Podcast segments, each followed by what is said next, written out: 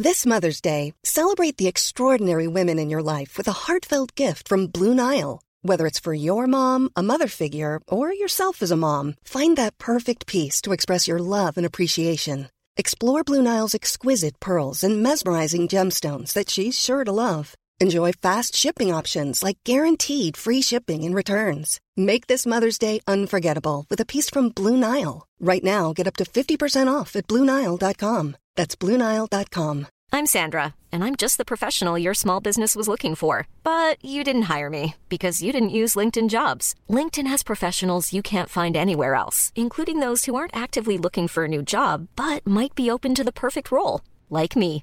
In a given month, over 70% of LinkedIn users don't visit other leading job sites. So if you're not looking on LinkedIn, you'll miss out on great candidates like Sandra. Start hiring professionals like a professional. Post your free job on linkedin.com/people slash people today. Wow. Nice. Yeah.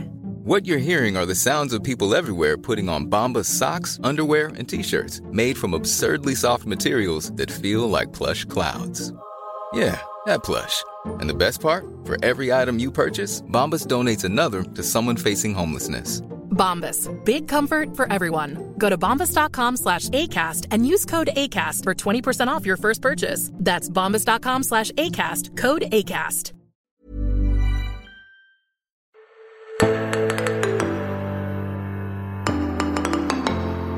I denne ukens episode av Tore og Tarjei har eh, Tore Hjalmar Sævik og meg sjøl, Tarjei Gilje, tatt turen hjem til eh, Kjersti Gautestad Norheim, som er prest i Birkeland kirke. Eh, På Nesttun, i det som var Fana kommune før i tiden, som nå er en del av eh, Bergen eh, kommune. Der har du vært prest siden 2011, opprinnelig fra Søgne, som vel er Hvor mye er det, en time? Halvtime å kjøre nord for Kristiansand? Nei, vi er jo veldig opptatt av at det er en halvtime vest for Kristiansand. Ah, okay, vest. Og det er knapt en halvtime, og nå er vi jo faktisk blitt Kristiansand, da. Må en innrømme. Ja, ja. Ja, det er greit å få det avklart, for dette her er jo viktige sånne lokalgeografiske forhold. Dette kan du si mye om fra Sunnmøre, Tor Hjalmar. At eh, man kan, når man kommer fra Bergen og er nærsynt, som bergensere er, så kan vi tenke at ja, men det der er noe samme, samme greien. Ålesund, Fosnavåg. Ja, nei, Der er det jo veldig viktig å ha en viss, eh, viss lokalkunnskap. da. Eh, så, og jeg syns vi som en, en kunnskapsformidlende eh, podkast eh, bare, Oi, det var fint. skal, Kunnskapsformidlende podkast, skal ta sjølkritikk på at vi ikke hadde rett himmelretning med Kristiansand og Søgne. Ja, nei, men da er, vi, da er vi godt i gang. Kjersti, disse siste månedene, og nå er det jo egentlig et halvt år, har vært spesielle for alle, både på individplan og, og samfunnet. Eh, men òg for deg som prest og for menigheten din. Eh, hvis du helt kort skal prøve å liksom, trekke litt tråder tilbake, hva sitter du igjen med av erfaringer fra koronatidens kirkeliv? Det er jo veldig interessant, og det er kanskje ikke mulig å si helt enda, for vi er jo midt i det. Det ble jo strengere her i Bergen nettopp, så vi eh, oppleves jo som i aller høyeste grad eh, noe vi står midt i. Og noen ganger blir jo ting enda tydeligere når du ser tilbake. Men jeg tenker at en begynner å se konjunkturene av noe. Og det som jeg syns, er jo at når det inntraff, for det kom jo litt sånn brått, eh, så tenker jeg at for mange så ble det en litt sånn kaosperiode i kirka. Hva gjør vi nå? Vi, ble, vi hadde ikke lov til å gjøre det som vi er mest vant til, og best på kanskje, nemlig det å samle folk eh, i kriser. Det er jo det kanskje kirka har eh, på en måte vært den som har hatt mest erfaring på, eller blant de som har hatt mest erfaring på. Og så var det plutselig krise, og vi kunne ikke eh, samles. Så det førte iallfall for oss i Birkeland. Birkeland er jo en, eh, en stor menighet. Eh, ikke så stor geografisk, men stor i antall medlemmer. Det er veldig mange som bor her. Det bor folk bor tett. Så vi eh, fikk ganske tidlig behov for eh, Vi gikk vel i litt sånn to retninger. Det ene var at vi tok en sånn diakonal, mer diakonal tilnærming, og var ganske kjapt ute med å si at vi stilte med hjelp til handling eller samtaler for folk som ble sittende hjemme og ikke kunne komme seg ut. Det andre var at vi etter hvert begynte å strømme eh, små gudstjenestesamlinger, og etter hvert også hele gudstjenester. Men det var det jo etter hvert mange som gjorde. da. Hva er det ei sånn eh, gudstjeneste altså, via nett kan gi og ikke kan gi? Har du gjort deg noen erfaringer med det? Å ja. ja. Det gjorde vi ganske tidlig. Det kan jo ikke gi fellesskapet. Eh, Men for å si noe om hva det kan gi, så tror jeg faktisk at eh, vi endra litt på gudstjenesteformatet. da. Vi var litt sånn tydelige på å si at dette, dette må En hel gudstjeneste eh, hadde vi også, men det var mer sånn påskenatt og en mer spesiell form. eh, de vanlige gudstjenestene, da hadde vi f.eks. ikke nattverd. Eh, og vi hadde gjort det kortere. Rett og slett fordi det er ganske tungt å sitte og se på en skjerm en time og ti minutter eller et kvarter. Rent sånn fysisk. Eh, vi opplevde med det at vi nådde Det som overraska oss, da, var at vi nådde bredere lokalt. Én ting er at du på via sosiale medier når nasjonalt, f.eks. Det er kanskje ikke så interessant, jeg, men vi nådde altså bredere lokalt. Vi fikk konfirmantforeldre, naboer som kom og sa at dette Som vi ikke ser så ofte på gudstjeneste. Som kom og sa at dette betydde noe i en veldig sånn krevende tid. Men så så vi ganske tidlig òg at for de som går fast på gudstjeneste, eller går ofte på gudstjeneste, så ble det en ganske sånn bleig eh, erfaring. Og mer enn sånn som pekte på eller viste savnet etter det fellesskapet. Og det tror jeg ikke kommer. Det er nok ikke en sånn eh, veldig teknologipositivist. Eh, og jeg tenker at det ble veldig, veldig tydelig fort at fellesskapet, det menneskelige fellesskapet, det å møtes, det å se hverandre, det kan ikke erstattes. Ja, vi har vært fascinert over det på et par seminarer om kirke i digital tid og sånne ting. At òg for prester og pastorer i altså type rundt 40 år som, som er vel fortrolig med både Zoom og Teams og Google Meet og hva det måtte være, Messenger og en eller andre av forskjellige plattformer, at det legges veldig stor vekt på det menneskelige fellesskapet, og at man, snak, altså man kunne snakket mye mer om teknologioptimalisering hvis man hadde villet det, men det er ikke der man opplever egentlig at skoen trykker. Nei, og jeg tror at en kan, for der kan en gjøre mye, og vi kan bli bedre, og kirka kan bli bedre. Og kirka er blitt ganske god, syns jeg. Jeg syns eh, på nasjonalt plan at kirka fikk til veldig mye bra. Eh, men eh, lokalt så ble det egentlig bare behovet for å samles ble nesten bare større og større. Eh, hos oss fikk det et litt sånn morsomt uttrykk ved at vi, det folk etter hvert ga uttrykk for at de savna eh, nesten aller mest, var kirkekaffen. Det at du har feira gudstjeneste sammen, og så møtes en og prater sammen med en kopp kaffe. Så vi endte jo opp med å lage en sånn digital kirkekaffe, der folk sendte inn bilder eh, av seg sjøl med en kaffekopp eller tekopp eller noe. Mm. Så flott, da. Ja, for Nå er det jo gått som sagt, et halvt år. og En ting var de første ukene og månedene i vår når alle skjønte at her er det en helt sånn umiddelbar akutt unntakstilstand. Nå har det gått en stund. Eh, Er du som prest redd for at du mister en del av menigheten din? Ja. Ehm, jeg syns jo for å ta en litt sånn annen innfallsvinkel på det, så øh, øh, har jeg Vi har stort fokus på ungdomsarbeid i Virkeland. Og jeg syns jo ofte at ungdomsarbeid blir som et forstørrelsesglass på andre fellesskap. For der skjer det så fort. Sant? Det som ofte tar eh, kan gå over år eh, i andre fellesskap, det blir hos ungdommer synlig etter bare uker og måneder. Eh, og vi merker det der. Vi hadde nettopp møte nå på mandag med lederne og snakka om at der er det. Det er vanskelig å samle folk. Folk er liksom avkobla. Du når det ikke. De er litt sånn metta på de digitale invitasjonene, som er den plattformen vi har til å nå de. De får det ikke med seg. De kommer ikke. Eh, noen er kanskje redde, jeg vet ikke om det er det som ligger bak. Jeg tror kanskje egentlig ikke det med ungdom. Jeg tror rett og slett bare de har blitt litt sånn sløva og, og litt lei. Eh, og hvordan, og det kan gjøre meg kjempeurolig, for jeg tror det på en måte bare blir en sånn eh, Det skjer før der enn det skjer andre steder. Og det kan gjøre meg Det kan bekymre meg veldig. Jeg kan bli urolig av det. Så jeg kjenner nok at det bibelverset jeg har minnet meg sjøl om oftest i den siste tida, det er andre Tessalonika-brev 1.7, der det står at Gud ga oss ikke en ånd som gjør motløs, men vi har fått ånden som gir kraft, kjærlighet og visdom. Eh, Så jeg tenker jo at det er en ting. Og så samtidig så må jeg innrømme at det, det ligger en liten sånn nysgjerrighet hos meg. For jeg tenker kriser kan ofte, eller bærer ofte i seg eh, noen muligheter. Og jeg tenker at vi nå får en mulighet til å se Kanskje kan denne krisen òg være med å vise oss noe om hva som er viktig. Hva er det umistelige?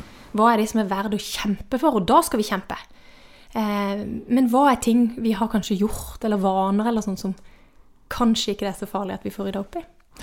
I fjor ble eh, du og en annen prest, Silje Kvile Andreassen i Holmlia, tildelt Olavsstipendet for å studere fenomenet kirke på urbane tettsteder.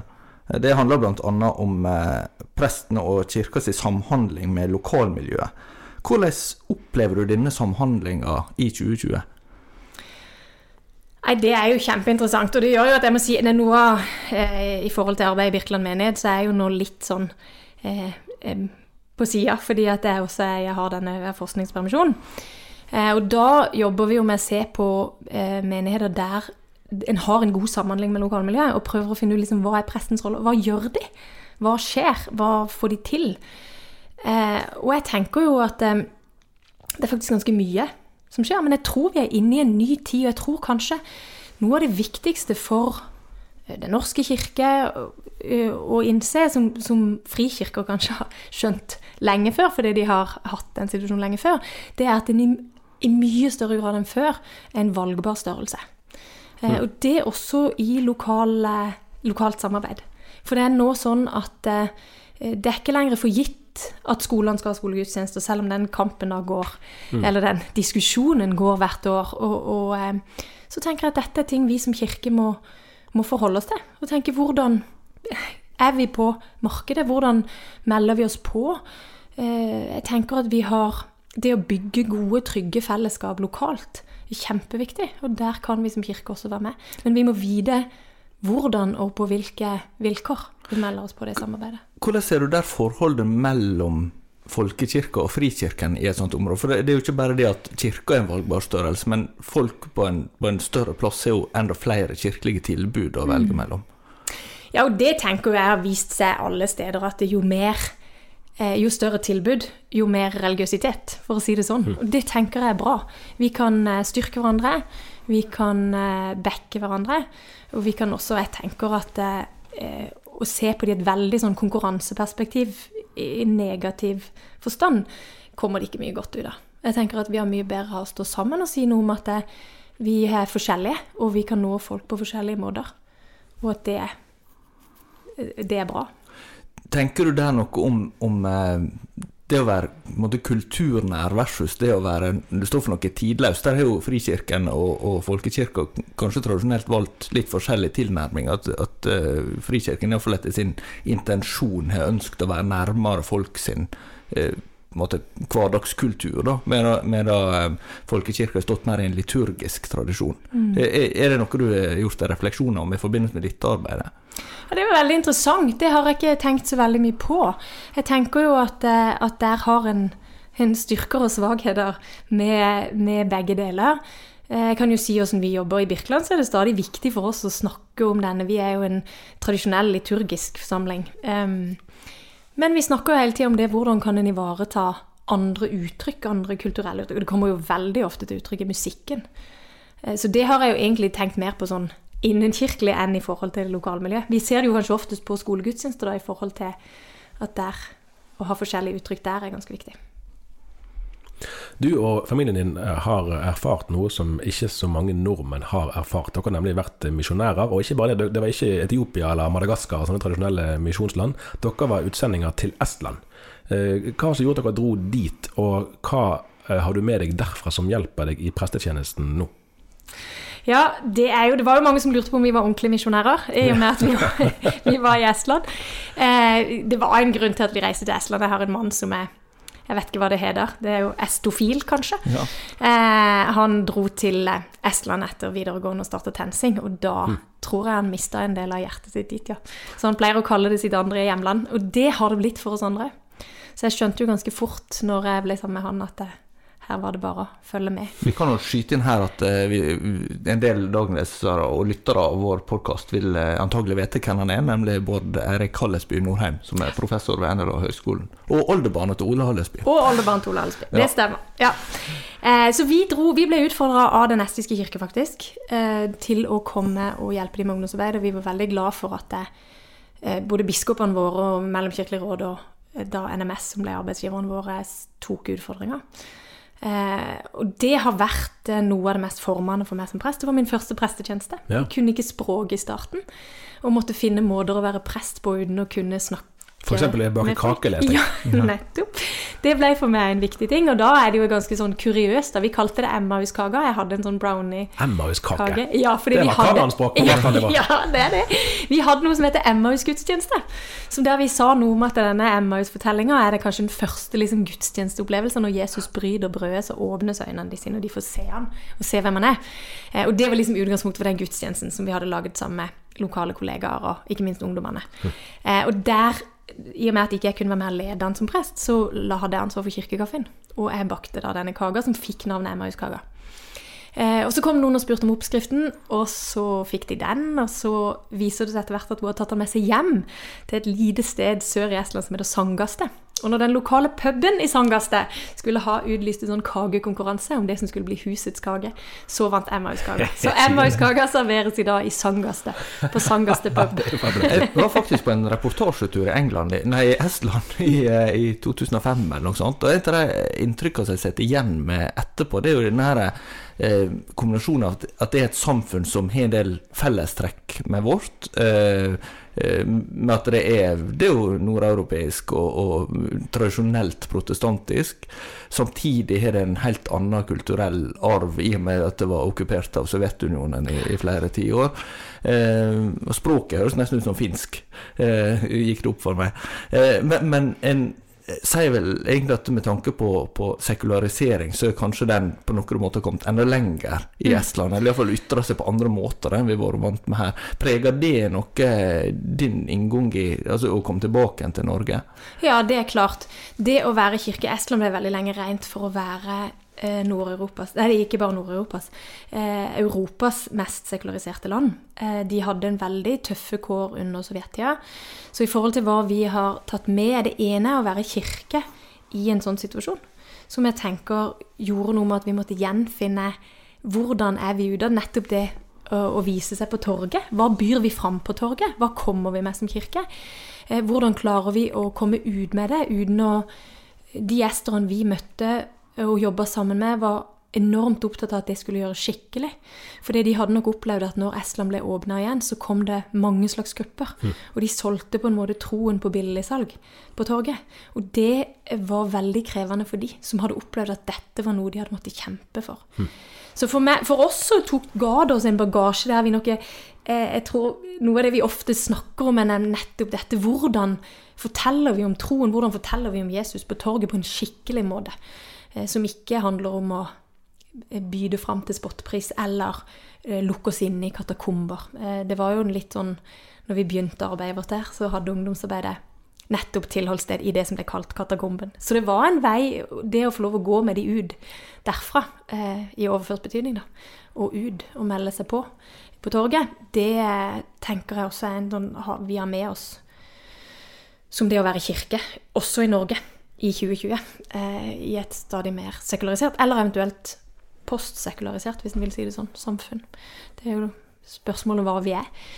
Og så tenker jeg for min egen del, og i forhold til mitt eget trosliv, så, så tenker jeg at når vi nå i denne tida har blitt fratatt muligheten til å samles på samme måte som vi har gjort før, så merker jeg det.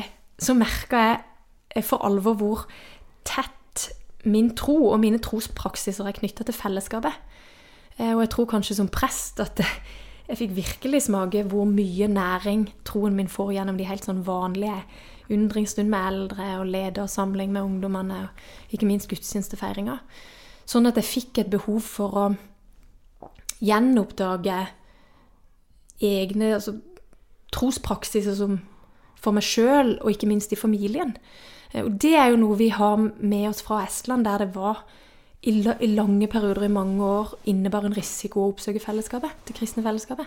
Sånn at de ble helt tvunget til Den nærmeste vennefamilien vi har eh, i Estland, eh, vokste jo opp da med eh, søndagsskolesamling med barna i familien, og kanskje til og med i nabolaget med gjenlukka gardiner i kjellerstua, mm. eller på tur i skogen der de kalte det noe annet for å kunne dele tro og hvor viktig det har vært å finne steder. Og de hadde det jo langt verre enn det vi kan snakke om i vår tid, men det å finne og gjenfinne de praksisene som nærer troen vår, også når vi ikke kan møtes i fellesskapet, tror jeg eh, det har blitt viktig for meg i denne tida.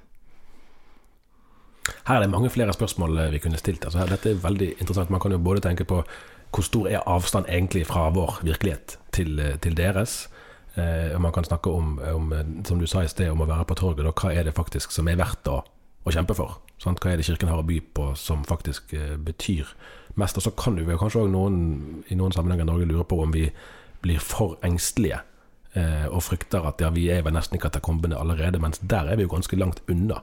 Og Det er jo kanskje noe for så vidt av det som du kan etter hvert kunne si mer om når du har forsket ferdig. Da, ja. grad man noen gang er ferdig å forske. det blir spennende. Sånn, om faktisk, de, det er ganske store muligheter eh, fremdeles. Mm.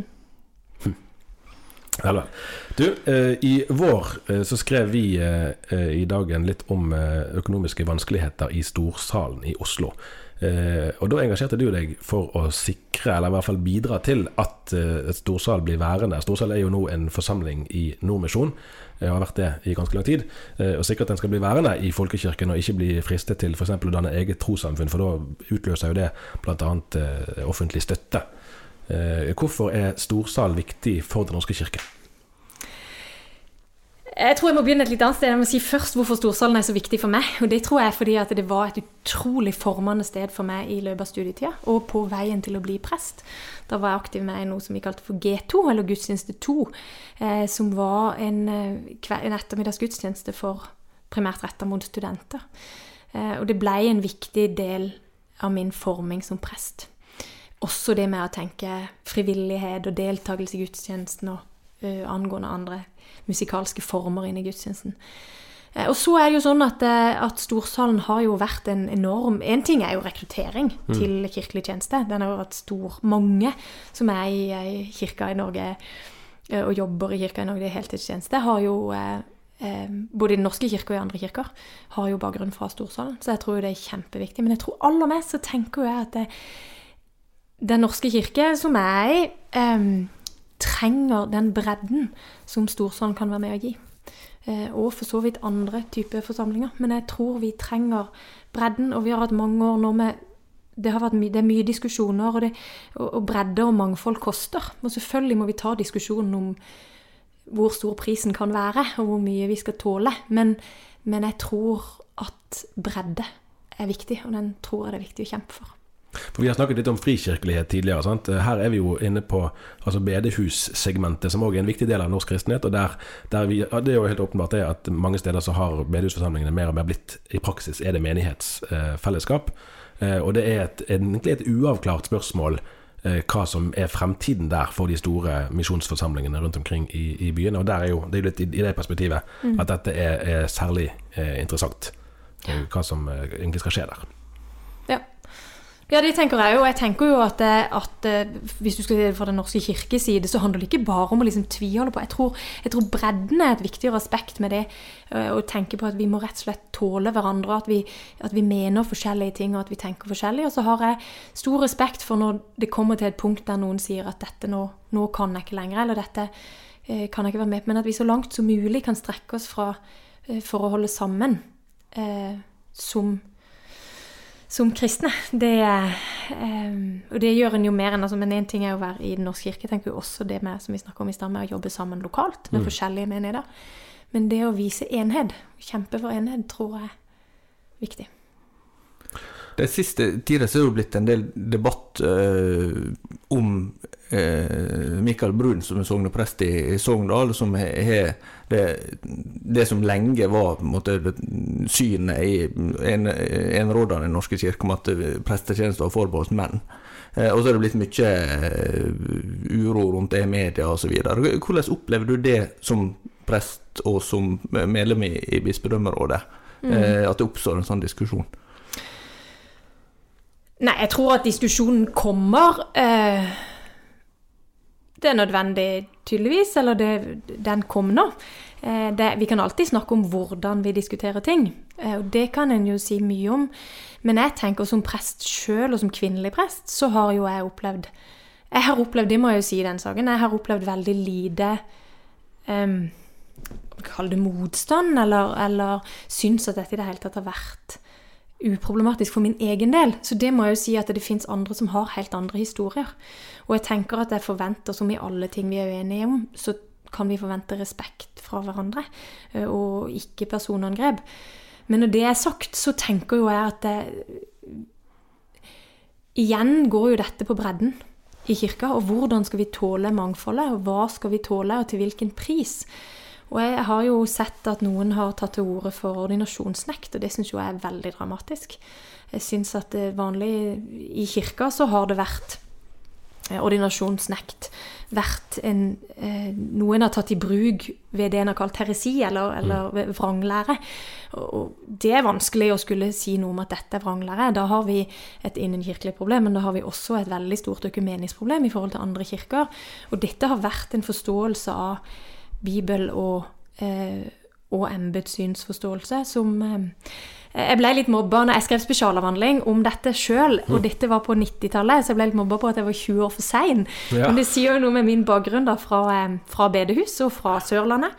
Så hadde jeg behov for å jobbe litt skikkelig med det. Og jeg må jo si at jeg, jeg tenker at det fins, når en har et visst em- embetssyn, eh, så, så fins det en konsistent argumentasjon på at det da det ikke gir rom for kvinnelige prester.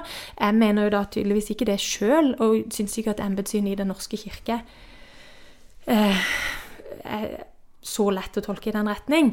Men når det er sagt, så, så tenker jeg at vi må tåle at en ser forskjellig på det. Eh, og da handler det kanskje om å finne noen måter å leve med det på. Og, og hvordan, hvis vi da eh, tar vekk ordinasjonsnekt og, og tenker at vi skal være sammen, så tenker jeg at det viktig i diskusjonen for biskopene nå når de skal samles etter kirkemøtet, eh, blir å snakke om hvordan dette da skal se ut. Eh, og kanskje må vi ta i bruk det som ble kalt kjøreregler som PF kom med i sin tid. For å få ordninger. Ja, presteforeninger. For at ikke alt skal bli overlatt til lokalplan. Vi snakket nettopp om at du er medlem i Bjørgvin bispedømmeråd. Du representerer prestene i bispedømmet eh, der, og dermed er du òg medlem av eh, kirkemøtet etter eh, valget i fjor høst. Det skulle vært kirkemøte nå i vår, som så mye annet ble det utsatt, men det skal finne sted i Nidaros eller i Trondheim nå om en liten måned. Hva, altså, hvordan ser du på å engasjere deg i kirkepolitikk? Det er jo en egen øvelse. Og hva vil du være særlig opptatt av der? Ja, det er en egen øvelse, det kan du si. Jeg tenker nok litt sånn, og har tenkt sånn, at nå har jeg vært eh, prest i en god del år. Eh, Og jeg tenker at nå eh, er det noen viktige saker, og noen må Det er viktig at en, en er med og, og melder seg på. Dette min fremtid som prest blir prega nå. Vi skal diskutere hvordan kirka skal være organisert. Det blir ganske avgjørende for, for oss prester og andre kirkelige ansatte hvordan det blir, og for så vidt for alle i kirka. Det er en viktig sak, men jeg syns nok eh, eh, Vi har nettopp levert inn sånne, sånne presentasjoner sjøl. Og da var jeg jo nødt til å gå litt i sånn Hva er egentlig Jeg kan ikke si at organiseringa, selv om den er viktig, er det aller viktigste for meg. Og for meg så ble det eh, rett og slett viktig. Jeg eh, tror til og med jeg siterte den eh, tidligere svenske erkebiskopen Anders Veiryd i presentasjonen. fordi når han har sin avskjedspreken i Uppsala domkirke i 2014, eh, så sier han noe om at når kirka er blitt en valgbar størrelse, kirka er ikke lenger en selvsagt del av menneskers hverdagsliv, eh, så må vi gjenfinne vår misjonale karakter for å overleve. Ja, nå var det veldig sånn eh, ikke direkte oversatt. Men jeg tror at det er noe av det som, som eh, jeg brenner mest for. Det er hvordan skal vi som kirke møte de utfordringene, være tydelig, eh, eh, fortelle om Jesus på en skikkelig og, og ordentlig måte, og invitere til fellesskap i dag. Nettopp. nettopp. Du, jeg har lest eh, på internett, som det er så fint heter når man skal ha upresise kilder. Det er sikkert sant når du leter på nettet. Nei det var en ganske trygg. Det var kirken sine nettsider, for å si det sånn. Det var der jeg leste det. At du omtalte presterollen på følgende måte. Eh, Som prest får vi være med på å gi språk til troen, eh, og peke på Jesus, og å formidle håp for livet, og like inn i døden. Eh, Da er det fristende å spørre, med det utgangspunktet, hva er det du liker best med å være prest? Ja, du, jeg syns jo at det er rett og slett helt fantastisk å være prest. Jeg syns at eh, det er den mest eh, meningsfulle, meningsfylte jobben jeg kan tenke meg. En får virkelig gå med folk. Og så, og så når du kommer som prest, så åpner liksom rommet seg for de samtalene om mer enn bare det helt Også det daglige, men i det så ligger det veldig fort en sånn klangbunn av noe annet. Det har overraska meg mange ganger. Jeg opplever jo til og med å komme på Jeg har barn som spiller håndball. Eh, og må jo av og til komme Det er jo ikke sånn som da jeg vokste opp, at ikke det var kamper søndag klokka 11. Det gjør at jeg av og til kommer til andre omgang med snipp etter å ha hatt gudstjeneste. Ja. Eh, og det begynner jo de på våre lag, eh, foreldre og sånn, å være vant til. Men de på motstanderlaget er ikke alltid like vant til det, det skal sies. Men det gjør jo at det er liksom synlig og tydelig for alle hva jeg jobber som. Eh, og det har mange ganger slått meg at når vi da står og ser på kamper eller møtes før og etter treninger, så er det akkurat som om bare vissheten om at eh, jeg er prest, åpner for et nytt rom i samtalen. At jeg opplever at folk kommer med ting som jeg tenker dette er jo helt eh, fantastisk at du forteller. At vi kommer rett inn i ganske sånne substansielle, eksistensielle samtaler. Eh, og det tror jeg egentlig kjennetegner mye av jobben òg, for selv om jobben er veldig variert, så er det og mye gøy og moro og mye alvor og mange ting som kanskje er helt vanlig, så er det likevel hele det der rommet med der um, en kan få snakke med folk om tro, liv, Jesus, hm. død, liv ja. Du, du, nevnte, eller vi snakka litt tidligere om forholdet folkekirke, frikirke, bedehus. Altså det fellesskapet der folk eh, på et vis har valgt å gå inn og engasjere seg tradisjonelt, og folkekirke der det store flertallet av nordmenn har hørt til eh, av eh, ja, historiske og familiære grunner, og litt varierende grad av, av hvor ofte en er innom. Da. Men merker du noe forskjell der i, i, i hvordan folkekirka må jobbe for å knytte til seg mennesker som, som, tenker ikke bare at, at, jeg er medlem og at jeg, jeg um, hører til der på litt sånn lavintensivt nivå, men at jeg, her er en plass der, der jeg hører til, og der min tilstedeværelse, min uh, Ja, at jeg deltar, er viktig. Mm. Jeg tror at det er en dobbelthet som, som blir særlig tydelig i, i folkekirka, i Den norske kirke. Nettopp på det at vi skal ha rom for begge deler. Uh, jeg syns noe som har slått meg mange ganger i samtaler med mennesker som prest, så er det hvor mye tro som finnes, eh, og hvor mye eh, dette som Jeg kan huske var diskusjoner før jeg begynte som prest, og litt sånn kritikk altså, av det som da var statskirka. Var litt dette at folk bare kommer av tradisjon. Og så var det sagt som noe veldig negativt. Og så opplever jo jeg i møte med folk at det, det er ikke Hvorfor skal vi kalle det for så negativt? Det, det, har faktisk noe å si med at noen en kommer i store overganger i livet, og så venner en seg til noe større. Eh, og det tenker jeg det ligger veldig mye også tro i. Eh, men så er det samtidig dette med å bygge fellesskap hele tida som, som, er mer eh, ikke minst det med å utfordre folk på frivillig tjeneste. For det at vi som kirke er helt avhengig av Det er jo ikke prestene som er kirka. Det er, ikke, det er jo ikke, vi som er en menighet. Det er jo fellesskapet, og det er jo eh, det, som, det, som, oppstår når vi er sammen. Og da tenker jeg at vi hele tida står i det spennet med at en skal ha åpne dører for de som ønsker å komme til enhver tid. Og så skal en samtidig bygge fellesskap der en får lov å være tettere på for de som ønsker det, og bidra, ikke minst. For det at det er det som er kirka.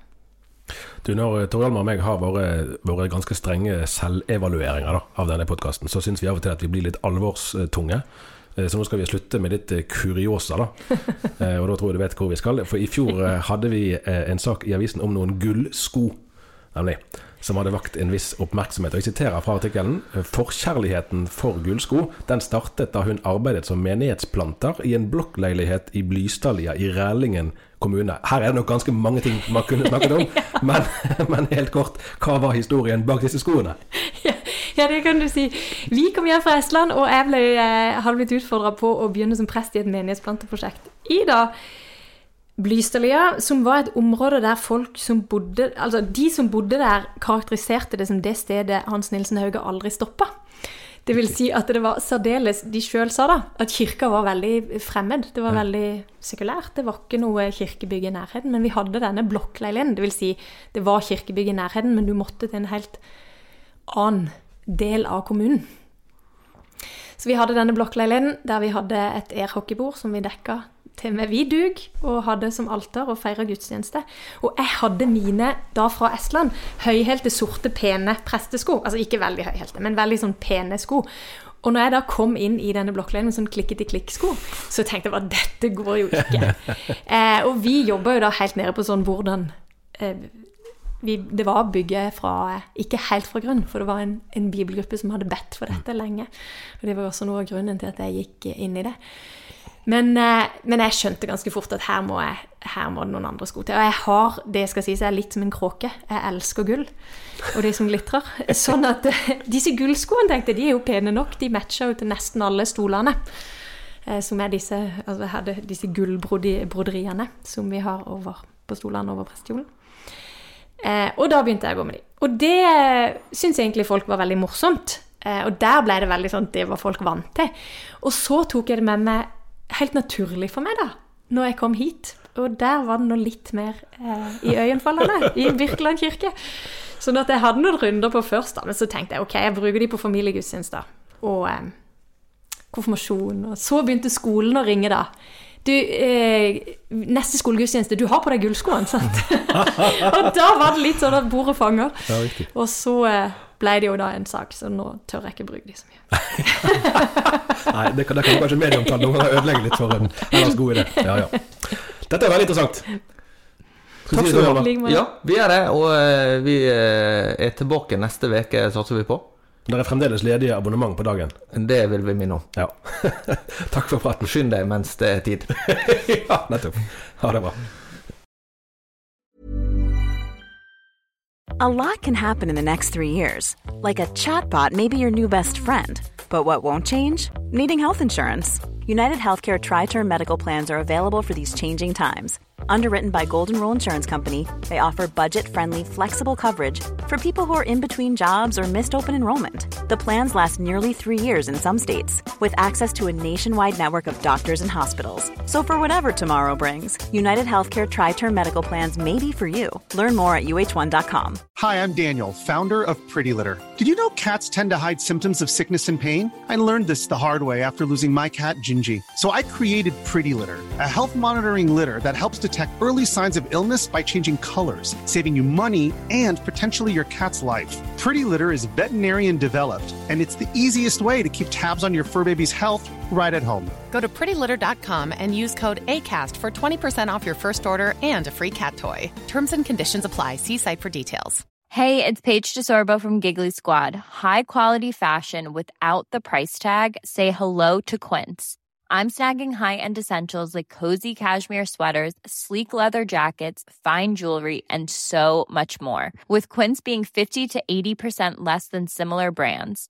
And they partner with factories that prioritize safe, ethical, and responsible manufacturing. I love that. Luxury quality within reach. Go to quince.com slash style to get free shipping and 365 day returns on your next order. Quince.com slash style.